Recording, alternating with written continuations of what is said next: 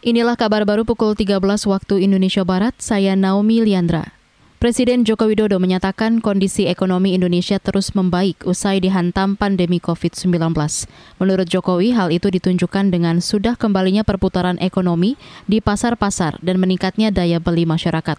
Itu disampaikan Jokowi usai membagikan bantuan sosial di Pasar Kanoman, Cirebon, Jawa Barat. Ya kalau kita lihat di pasar-pasar mulai rame, rame sekali, ini dan juga ini menjelang Eh, hari Raya Idul Fitri, sehingga ada peningkatan daya beli, sehingga modal usaha bagi para pedagang diperlukan karena kadang-kadang memerlukan tambahan apa untuk memperbanyak barang-barang yang uh, ada. Presiden Jokowi menyebut saat ini para pedagang membutuhkan suntikan dana untuk memulai usaha. Kata dia, pemerintah terus menyalurkan bantuan langsung tunai atau BLT bagi para pedagang dan pelaku usaha kecil. Selain itu, Jokowi juga menyebut pergerakan ekonomi di sektor pariwisata kian membaik. Itu terlihat dari kemacetan yang terjadi di hampir semua kota lantaran mobilitas masyarakat yang makin tinggi. Masih soal ekonomi, Menteri Keuangan Sri Mulyani menyebut rasio utang Indonesia relatif rendah dibanding negara lain di dunia. Hingga Februari lalu, posisi utang luar negeri Indonesia mencapai 7 kuadriliun rupiah dengan rasio 40 persen terhadap produk domestik bruto atau PDB.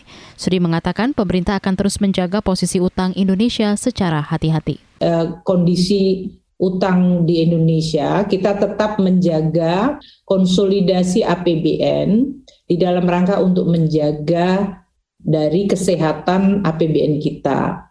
Rasio utang kita termasuk yang relatif rendah, baik diukur dari negara-negara ASEAN, G20, atau bahkan seluruh dunia. Menteri Keuangan Sri Mulyani menambahkan tekanan ekonomi negara-negara di dunia tengah meningkat, apalagi saat ini ada negara yang mengalami kesulitan ekonomi yakni Sri Lanka.